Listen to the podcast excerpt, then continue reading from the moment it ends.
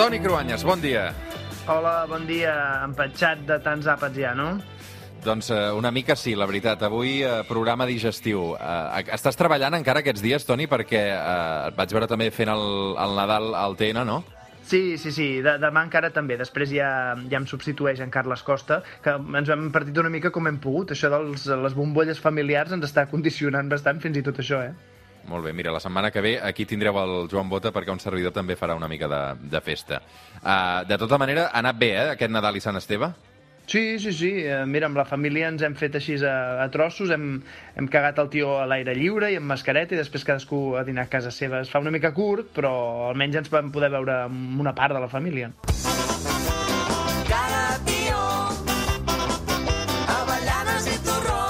Avui amb el Cruanyes no parlarem del tió, però sí que aprofitarem que som en plenes festes per parlar de la pregunta que tots ens fem aquests dies. Per què mengem torrons per Nadal, Toni? A veure, ja ho diu la cançó del tió, eh? No caguis arengades que són salades, caga torrons que són molt bons. Doncs això, mengem torrons perquè estan boníssims. De fet, hi ha torrons de tots els gustos. Uh, quin és el de debò? Quin és l'autèntic, Toni? A veure, deixant de banda les modernitats d'ara, no del el torró de gin tònic o de xocolata amb arròs o fins i tot ara de xocolata amb blat de moro i altres, si anem a l'origen, el primer històricament anomenat és el torró d'ametlla, mel i ou, que és provinent del sud del País Valencià. De fet, la primera constància de l'existència del torró la trobem a les cròniques del rei en Jaume, del rei Jaume I el Conqueridor, que hauria donat torró als convidats del casament de la seva filla. De fet, eh, això és el torró de Xixona, no? Exacte, són torrons originaris de Xixona i té gràcia que s'hagin convertit en aquest menjar que és el, el més tradicional de Catalunya i dels països catalans per Nadal, perquè segurament provenen dels musulmans que van viure al País Valencià, com, com gairebé tots els postres amb ametlles tenen tota la pinta de ser d'origen àrab. El bagul de l'àvia va traure un xiquet, un cavall d'Aràbia i un preciós secret Toni, els dolços que es feien a Catalunya al segle XV eren molt apreciats. Sí, es cuinaven els dolços de millor qualitat d'Europa, en part perquè barrejaven aquesta tradició cristiana amb els coneixements previs de l'ocupació àrab. En paral·lel, i amb ametlles possiblement també de Xixona, es va popularitzar el torró d'Alacant, de textura dura, amb ametlles repelades, torrades, amb mel, clara d'ou, sucre i després recobert amb neula. Encara una altra variant d'aquest torró més fort és el de Gramunt, del qual hi ha constància escrita des del 1741. En aquella època devien ser una delícia que només estava a l'abast de nobles i de rics. Sí, es menjaven en ocasions molt sonades, també. Tot el contrari de l'altre protagonista de les nostres taules de Nadal, les neules. Tu ets dels que eh, la suca l'ampolla de cava, les neules, Toni? I tant. Home, a veure, ja sé que és una mica marrano això, perquè queda tot allà desfet, però, però tot fa Nadal. A més, saps, és una tradició molt antiga, perquè una neula és en el fons una oblea enrotllada, o sigui, és una hòstia de les de missa, però una mm. mica més torrada, més gran, i després en forma de canut. I les hòsties, el capellà les suca amb el vi, que representen el cos i la sang de Crist, o sigui que vet aquí l'origen de les neules. És a dir, que d'alguna manera les neules ja estaven predestinades a ser sucades en alcohol, eh? Sí, i la idea d'enrotllar una hòstia la va tenir una monja. Possiblement és més antic que els torrons. Estem parlant del segle XII. En aquella època les hòsties tenien al voltant d'uns 15 centímetres i tenien emblemes heràldics o senyals gravats. Ramon Llull ja parla explícitament de les neules al seu llibre de les meravelles del 1289 i al monestir de Santes Creus es conserven neulers amb les insígnies de l'abat. De fet, hem parlat de dues tradicions molt nostrades, els torrons i les neules. També celebrem eh, tradicions que són més importades, no, Toni? I tant. Ara te n'explico algunes. El camino que lleva Belén Mira, Rafael, que fa uns dies ens va acompanyar amb el comunista del Joel Díaz, just abans d'aquell concert tan polèmic que va fer a, a Madrid. A banda dels torrons, que són molt populars a tot l'estat, les altres grans postres de Nadal són els polvorons, Toni, que això crec que és d'origen andalús, no?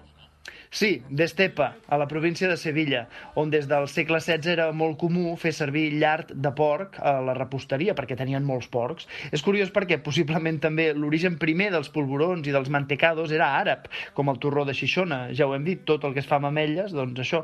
Però ironies de la història, segles després es faria popular perquè hi afegeixen el gust de la manteca de porc. Ah, i l'extensió com a menjar tan tradicional per Nadal vindria després de la mà de la migració dels andalusos a la resta de la península península, però estem ja parlant del segle XX, o sigui que els polvorons al costat de les neules o els torrons són uns acabats d'arribar a Catalunya. Va, que encara tenim temps de parlar d'un altre acabat d'arribar molt popular per eh, Nadal dels últims anys. Com'è bello far l'amore da Trieste in giù. Perquè des d'Itàlia, a banda de la Rafaela Carrà, aquests dies ens arriba també el Panetone, que és l'última gran novetat que està revolucionant també el Nadal.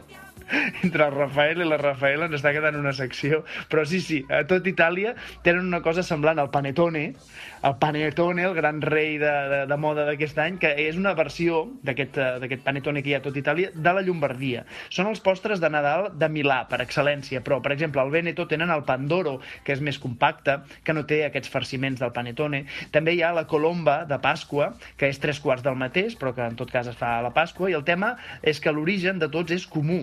D'on venen el, el Panetone i totes aquestes variants, Toni? Com passa a Itàlia sovint, el punt inicial es troba a l'antic imperi romà, i és que els romans van ser els primers a fer servir llevadura i mel per fer més flonjos als seus pans. I a partir d'aquí ja no se'n sap res més fins al segle XV, a Milà, on, segons la llegenda, hi havia un jove aristòcrata que es va enamorar de la filla d'un pastisser.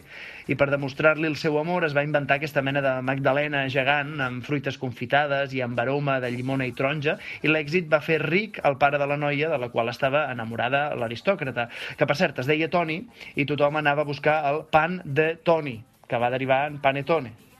El pa d'Antoni... No sé si m'ho crec, això, eh? Perquè el pan de Toni... De... A veure, no sé. és una llegenda, i Ah. si no ne vero, eh, ben trovato, que és Nadal.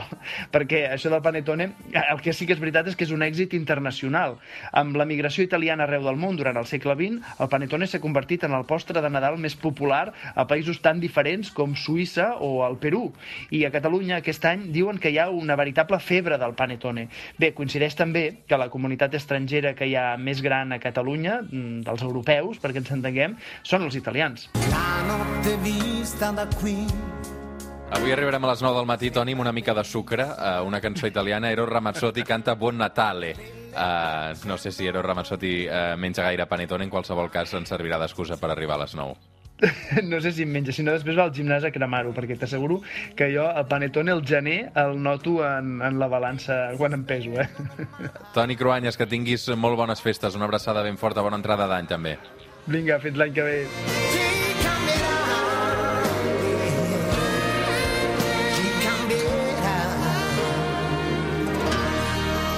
El suplement, amb Roger Escapa.